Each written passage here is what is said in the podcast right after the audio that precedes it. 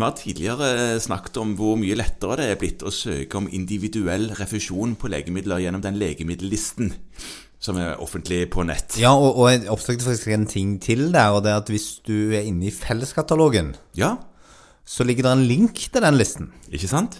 som du kan klikke på. Nederst på preparatomtalen, Ja. omtrent. Så hvis det er mulig, så er det en link der. Ja, så det er òg en hjelp. Ja. Eh, og selve oversikten på den legemiddellisten er bra. Der står hvilke indikasjoner utover de som er forhåndsgodkjente, som man kan søke på. Ja.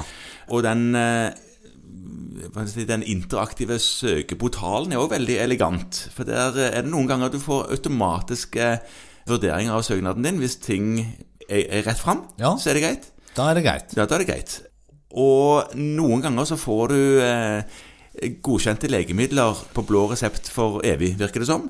Ja, og det er fornuftig, fordi tilstanden kommer vel neppe til å endre seg. Ja. Og noen Altså, ganger så er det tidsbegrensa for et par år. Ja, Og noen ganger så er det kortere. Og det var det jeg hadde tenkt å snakke om i dag, fordi jeg fikk en pasient som hadde fått nuss i dette. Han hadde nylig fått innvilga, og sa nå må vi huske å søke gjennom et år. ja, Og så nei, men dette har du jo for to år. Ja. Men det hadde han altså ikke.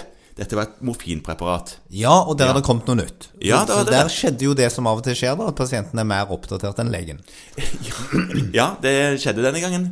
Ja, det Ja. gjorde det. Men eh, der er det noe helt nytt, eller helt nytt til helt nytt.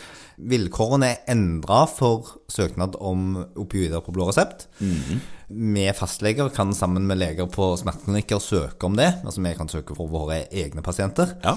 Opp til det som kalles for 100 morfinekvivalenter. Dette tror jeg vi har snakket om før, hvordan det skal omregnes og fram og tilbake. Ja, det er noe regneark og går på det. Men nå er det to endringer. Og den ene endringen er altså da at vedtaket som før var to år, nå er begrensa til ett år. Der Ja. behovet da skal revurderes. Og det er jo viktig å si. Det betyr ikke at pasienten man ikke får mer enn ett år. Det Nei. betyr bare at det må gjøres en ny vurdering etter et år om behovet fortsatt er til stede. Ja, Er det likt som det var i Ja. fjor, så videreføres det. Ja, og, og det er klart at for noen sånne tilstander så tenker man jo at de er så langvarige at det er det, men, men likevel det er jo ikke nødvendigvis dumt å ta en fot i bakken og sjekke dette. Man må bare huske å forsøke. Ja. Og er du innafor, så får du jo fort svar i denne modulen. Du får fort svar, Ja. og du får faktisk òg takst Ja. for å gjøre denne søknaden H1. ja. Det, det andre er at du får kun det du har søkt om.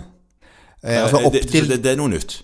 Ja, for før så Ja, fikk du opp til fikk- 100. Før så ble vedtaket bare satt opp til 100. Ja. Eh, Men nå må du skrive hvilken døgndose du mener pasienten maksimalt skal ha. Ja. Og eh, da er det det man får. Så at hvis du da må øke dosen, så Ja. må du eventuelt søke på nytt. Fordi, ja, så må pasienten betale sjøl for det som er overskridende. Ja. ja.